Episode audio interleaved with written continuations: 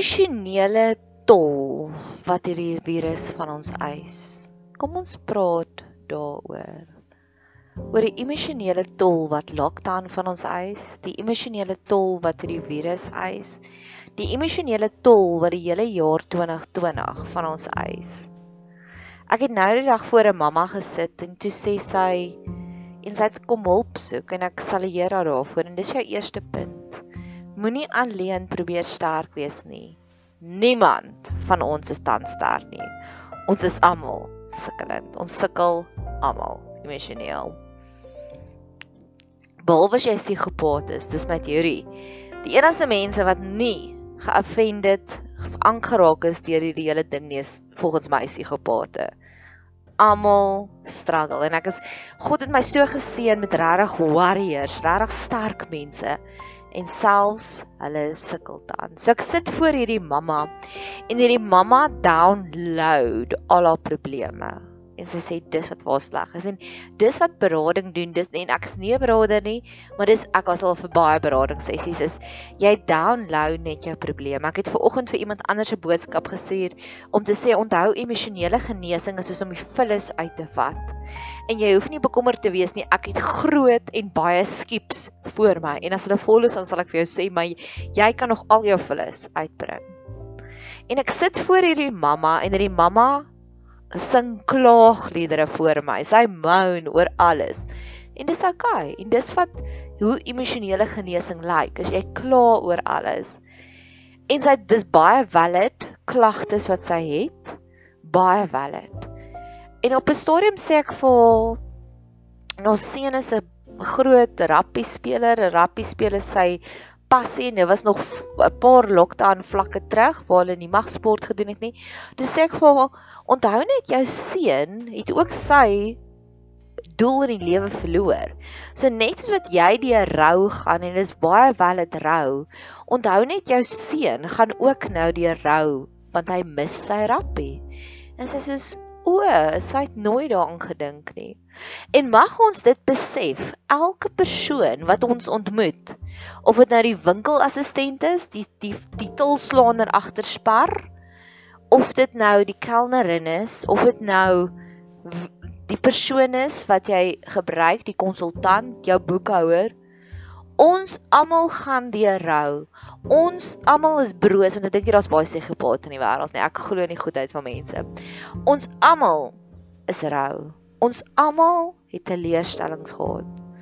Ons almal is onseker want ons ontdek hierdie dinge in onsself wat ons nie eens geweet het ons doen nie. En ek gaan jou deurvat deur 'n paar stories wat met my gebeur het in die afgelope week, paar weke. Maar voordat ek by die storie kom, My vriendin sê vir my, sy stuur ver oggend vir my 'n boodskap en sy sê: "Nadia, ek is jammer die boodskap klink so vreemd want ek staan buitekant want ons het hierdie nuwe baba pappie en die pappie is weggegooi deur sy deur haar mamma en sy's baie stout, maar ek kan nie met haar raas nie. So sy soek nou 'n bietjie aandag en ek staan buitekant want as ek met haar raas is sy baie sensitief want sy ly eintlik aan verwerping en so ek kan nie met haar raas nie, maar sy's stout, so ek gee net 'n bietjie vir haar aandag dat sy minder stout kan wees." Ons almal is die pappie in hierdie storie. Ons almal ly aan verwerping op een of ander manier. Ons almal rou oor iets en ons is so broos. Ons is so sensitief vir woordjies en ons gaan lekker gesels daaroor ook. Ek sou Saterdag 'n praatjie gegee het oor joy. Daar's 'n Vrouedag Saterdag en waar ek vir die vrouens sou deurgevat het oor hoe om joy te vind. En keer op keer het die Heilige Gees my gestop. Deur verskeie dinge het die Heilige Gees my gestop. En op 'n stadium te besef ek Nadia dit gaan onsensitief wees om met mense nou te praat oor hoe om joy te vind, want nou weet ons nie eers hoe ons net gaan cope deur die dag nie om nou met mense te praat oor joy. Is dit so goed soos iemand verdrink en hy skree gooi vir my tube, gooi vir my lifeline en al wat jy sê is, "Hoekom het jy vanoggend daai bikini aangetrek en nie die ander een nie?" Dis hoe die joy praatjie nou sou gewees het. Dit sou mense gewalg het. So ek's baie sensitief want van daardie punte wat ek besef het, hou op fokus op joy Nadia, fokus net op gee vir die mense daardie validation. Daardie dit is nou 'n moeilike situasie. Ons gaan nie nou fokus op wat se bikini het jy aangetrek toe jy gaan swem met vanoggend nie. Ons gaan nou net vir jou 'n lifeline uitgooi. Ek tel baie op by baie mense. Daar is 'n tipe van 'n caregivers exhaustion. Daar's 'n tipe van 'n ja, 'n caregivers exhaustion. En dis dit is ook normaal. As jy gewoon af aan was om die slimste persoon in die vertrek te wees, as jy daaraan wa gewoond was om altyd die een te wees wat die emosionele pleisters vir almal uit te deel en nou tans het jy nie die kapasiteit om vir enige iemand pleisters op te sit nie. Dit is oukei. Okay. Ek tel dit op by baie mam, by baie mense, veral by mammas. Mammas wat sê 'n versorgingsuitputters, uitputting dit is ook. Okay. As jy ewe skielik meer needy is en gewoonlik is jy nie needy in die verhoor verhouding nie.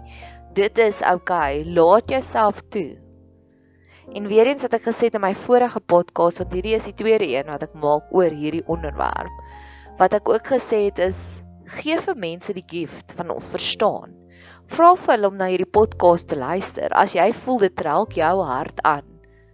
Want baie keer is dit net te moeilik om eers ons emosies vir iemand anders te beskryf. So ek wil jou help en vir jou sê laat hulle na hierdie pot gooi luister want 99% van die kere besef mense nie hoe dit hoe dit met ons gaan nie. En dis ons verantwoordelikheid om hulle te sê dis wat dit vir my voel. En mag hierdie pot gooi die gift wees that keeps on giving. En ek wil jou bemoedig met hierdie stukkie waarmee die Here my keer op keer bemoedig het. Daar's daai storie in die Nuwe Testament. Van die sondares en ek sê nie jy's 'n sondares nie so moenie dit die takeaway wees wat jy vat huis toe nie wat gesit het voor Jesus se voete en sy het die nardusolie op Jesus se voete uitgestort. En die nardusolie is 'n voorbeeld 'n sinnebeeld van uitspattige worship wat sy gedoen het voor God se voete voor Jesus se voete. En dan vat Jesus haar so en dan sê hy vir haar die wie baie sondes vergewe is, is baie meer liewer vir my. So daar's 'n direkte link tussen die hoeveelheid sondes wat God vir jou vergewe het en hoe intentioneel lief is jy vir hom. Maar ek het daai stukkie myne gevat en ek het gesê, Here, dit beteken vir al die dinge waardeur ons nou deurgaan, dit beteken U gaan vir ons 'n unieke kant van U self wys sodat ons nog liewer vir U kan wees. So ek sien nie meer in Suid-Afrika dat wow to us nie. Wat sukkel met soveel goed. Ons sukkel met lockdown, ons sukkel met die virus, ons sukkel met finansies, ons sukkel met um met veiligheid. Hier soveel misdaad, ons sukkel met korrupsie. Alles daarin is geleenthede vir ons net om nog liewer te raak vir God en mag ons dit omhels. Mag God vir ons 'n wonderwerk wys op elkeen van die dinge wat ons pla. En dis waaroor ons nou gaan gesels want nou gaan ek vir jou 'n bietjie meer vertel van die simptome van trauma. Dis wat ek beleef het in die afgelope 2 weke.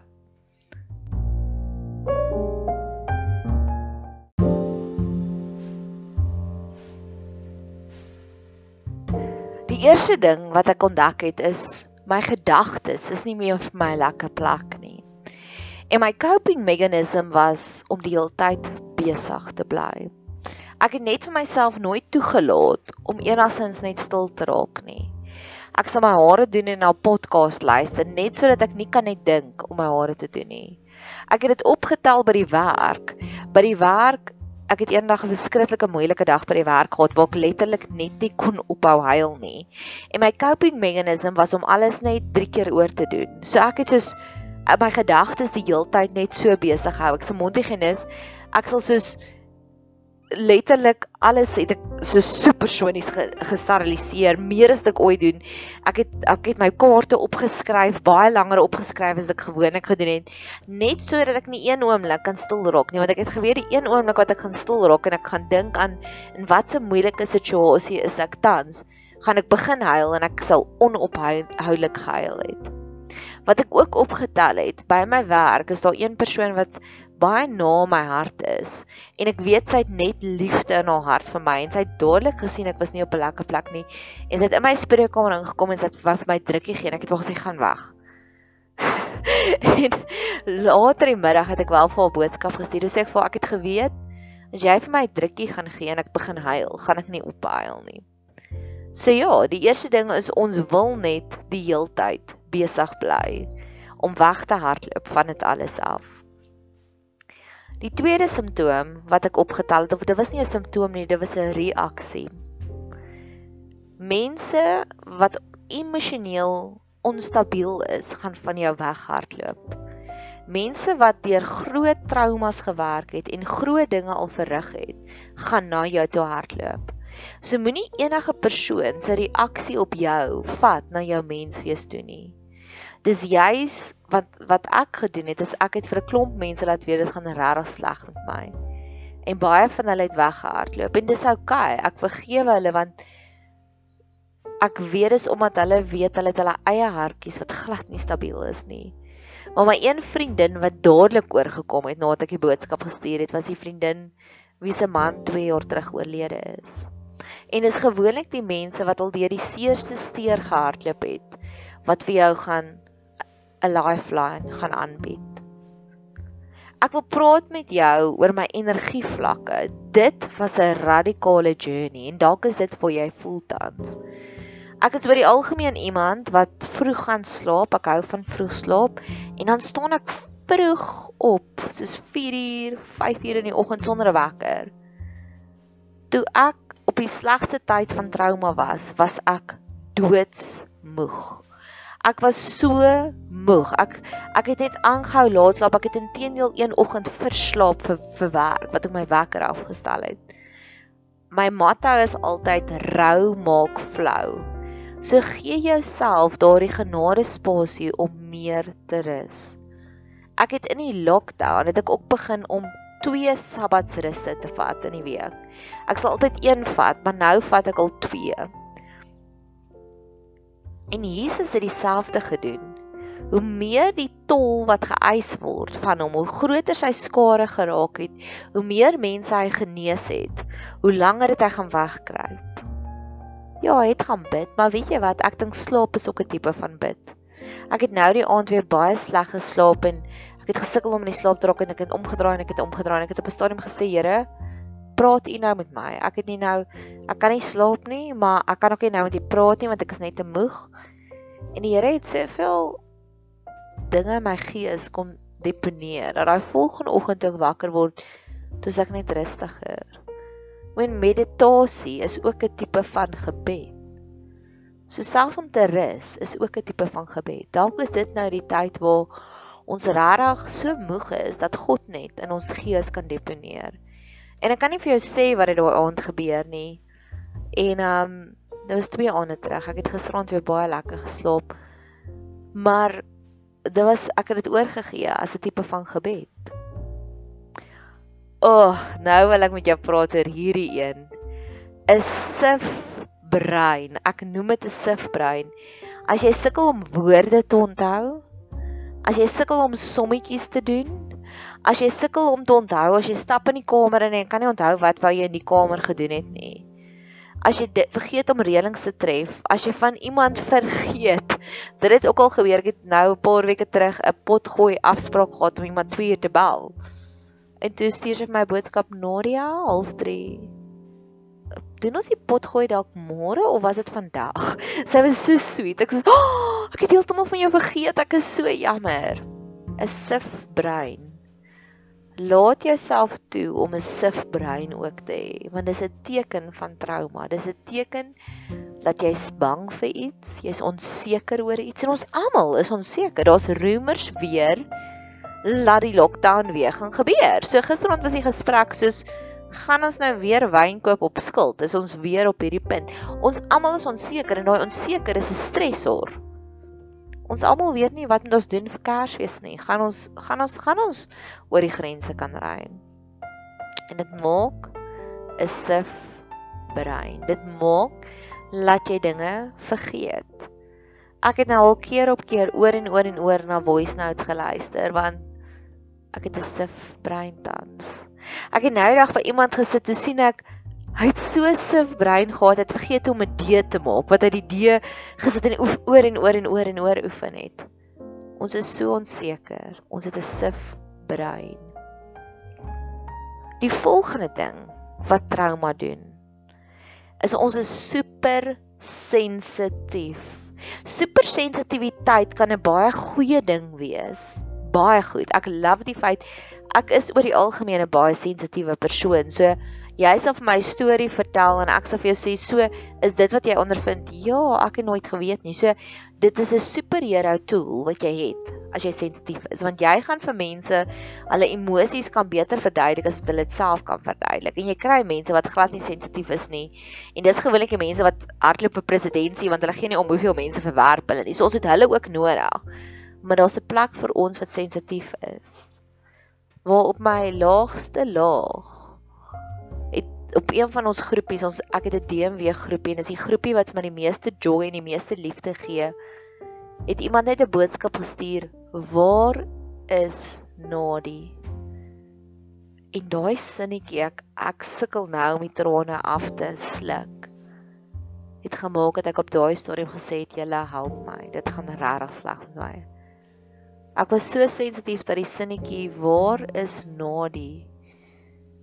Ag, uh, Dis een sinnetjie wat regtig vir ek wil amper sê my lewe verander het. So ja, sit in daardie sensitiwiteit ook. Ek het op 'n stadium met ek vir God gebid, Here, ek het 'n bruilof nodig want ek het nodig om net mooi en lekker en liefde op te souk want ek was nou al by soveel begrafnisse, by soveel teleurstellings, my siel het gehinker na 'n bruilof. En dis so jy jou jou positief reinforce vir jou sensitiwiteit. En ek was 'n week lank op 'n haai oor hierdie bruilof. Ek bid nou vir 'n vakansie by Babylon Storen. Dit is Koos Becker se plaas iewers. Ek dink dit is in die Parel, dis iewers in die Kaap. So ja, geniet jou sensitiwiteit en onthou ook die sensitiwiteit maak as iemand 3 huise van jou afrou, gaan jy dit waarskynlik optel. Maar as jy die heeltyd in die teenwoordigheid is van joyful people, gaan jy hulle joy optel. So ek is super sonies selektief met wie ek tans tyd spandeer. As jy bietjie toksies is, ek sien nie nou kans vir jou nie, want ons omgewing is tans so toksies met die korrupsie, met die COVID, met die onsekerheid. Ek kan nie nou nog met ons toksiese mense deel nie, so ek sny vir jou dadelik uit.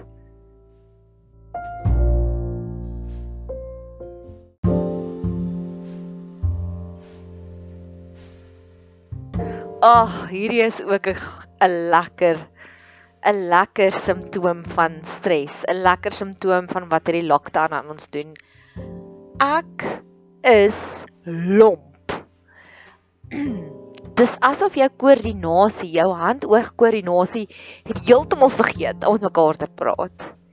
Die heel eerste keer toe ek dit opgetel het, die einste vriendin wie se man oorlede is, die die oomblik toe ek die tyding kry, toe ek uit die bed uit en ek het geweet ek gaan nou stort en nou na haar toe gaan. En ek het oor my klere rak geval. Die ding het in 10000 stukke gespat. En van daar af het ek begin optel. Hoe meer gespanne ek is, hoe meer lomp is ek. Weereens ek se mondhygiënis. Daar was 'n dag wat ek gebid het, Here asseblief moenie dat ek enige skaleerder nou in iemand se mond laat val nie. Dis amper asof jou gedagtes, jou brein en jou hande hou op om met mekaar te praat. Ek het al glase gebreek nou in die on onlangse ding. Gelukkig het ek nog nie te veel oor my eie voete geval nie. En weer eens, ek het 'n baie intense lewe. So my kinderdae vir 'n baie lang periode was daar verskriklik baie stres in ons huis, baie spanning. En my ma sê altyd my geraas om sê, "Hoe lomp is jy? Kyk jy's lomp." Goofy het sy my genoem. En toe ek weggetrek en dit op my eie begin bly, toe kom ek agter maar ek is nie meer lomp nie. Stres maak lomp, stres maak dom en gee vir jouself daardie toestemming. Dan weet jy wat? Weet jy wat gebeur andersins? Die oomblik wat jy nie meer hoef bang te wees dat jy gaan nou hierdie koppie laat val nie. Jy hou nie meer die koppie met twee hande vas nie. Inteendeel nou hou jy 'n koppie, twee koppies, koppie in elke hand en 'n bak beskuit onder jou elmboog. Dis op daai oomblik wat jy sê dankie Here want my lompgeit is weg wat ek is emosioneel gesond. Die volgende een simptoom van stres is jou maniere gaan weg. Jy weet daar mense wat so verskriklik onbeskof is. Ek het nou hierdie teorie dat hulle net onbeskof want hulle is onder soveel stres. Ek het my maniere heeltemal verloor in die afgelope 2 weke. Waar ek oor die algemeen 'n goed gemanierde persoon is, die maniere heeltemal weggegaan. Dit was amper asof jy worry nie meer oor ander mense nie. En dis ook oukei. Okay. So as jy 'n kind het en jy sukkel dat hulle moet sê dankie asseblief en so aan, hê empatie met hulle want dis waarskynlik 'n refleksie van dit gaan nie goed met hulle nie. Want kom ons sit in wat is maniere? Maniere is jy kry 'n koppie koffie en jy sê dankie. Maar partykeer is jou liggaam so in vlag veg en vlug mode.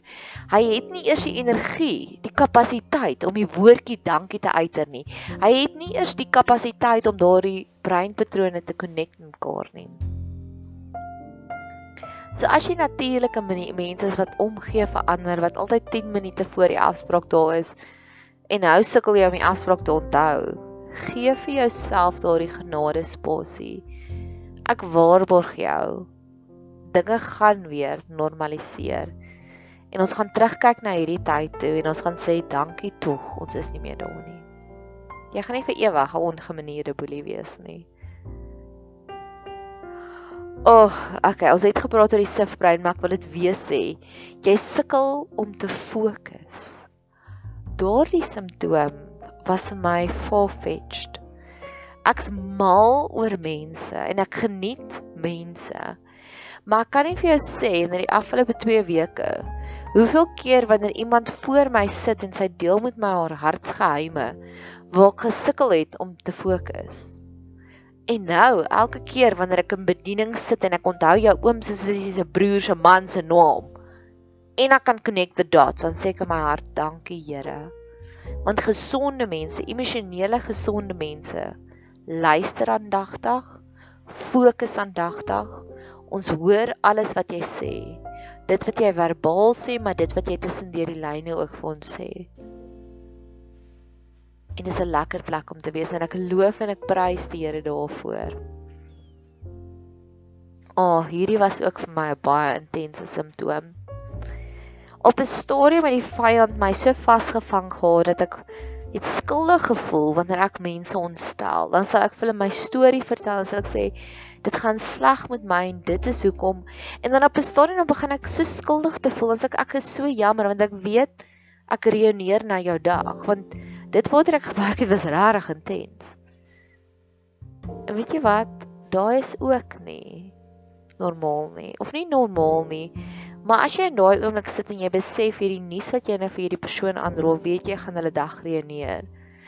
Moenie skuldig voel daaroor nie. Want hulle wil jou help. Hulle wil daar wees vir jou. Hulle wil hê jy moet gelukkig wees. En as dit beteken ons gaan vir 'n kort tydjie gaga saam die emosionele wasgoed moet was, sal hulle dit doen want hulle weet op 'n stadium gaan julle weer lekker saam dans. So ja, gee ook vir jouself die geleentheid om nie skuldig te voel wanneer jy weet jy vertel vir iemand dit gaan sleg met my en hy gaan weer sê hoekom gaan dit sleg met my. En nadat ek dit vir jou vertel het, gaan dit waarskynlik jou dag ook reëneer. Maar ek weet ook jy's lief genoeg vir my om nie te wil hê ek moet alleen nie deurwerk nie. Die laaste simptoom ek wil nee, dit is nie laaste simptoom nie, ek het nog nooit as. Die volgende simptoom wat ek ook met jou wil bespreek is um en dis 'n bietjie van 'n haha. Onthou ook jou liggaam gaan manifesteer as jy onder stres is. My liggaam het gemanifesteer um ek wonder nou hoe gaan ek dit nou mooi sê. um ek het hartlywig geword. So weet ook dat jou liggaam gaan ek manifesteer daarmee. En nog enetjie wat baie gereeld manifesteer onder stres is jou libido. Jou seksdryf gaan waarskynlik opdroog, uitdroog, verdroog, wegraak. So wees ook sensitief daarvoor en moenie jouself onder meer druk sit omdat dinge soos dit nou gebeur in jou lewe nie.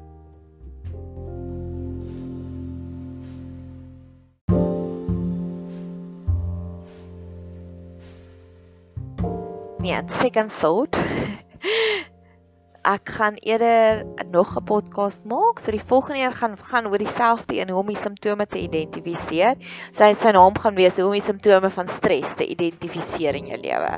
Mag jy 'n geseënde reis hê verder. En mag jy liewer raak vir jouself hierdeur om te besef dis normaal. Net soos wat daar fisiese simptome is van 'n verkoue. Die oomblik wat jy 'n verkoue kry, eers kry jy keelseer en dan kry jy dit en jy's nie vies vir jouself. Jy dink nie jy's 'n patetiese mens omdat jy nou keelseer het en môre hoesie het nie. Mag ons ook soveel grace met onsself hê oor stres. Stres is 'n virus en hy gaan sekere effekte hê, sekere simptome hê en dis net simptome. En op 'n stadium gaan die stres verdwyn. En op 'n stadium gaan jy weer spalkels terugkry en so gaan al die simptome ook verdwyn. Jy gaan nie vir ewig lomp wees nie. Jy gaan nie vir ewig 'n sifbrein hê nie. Jy gaan nie vir ewig dink jy's lui want jy wil verslaap en jy kyk jou vriendin wat elke oggend 5 uur opstaan en vir haar hele familie 'n 3 gang ontbytmaal maak nie. Jy gaan jouself vergewe. Mag ons meer mercy hê met onsself.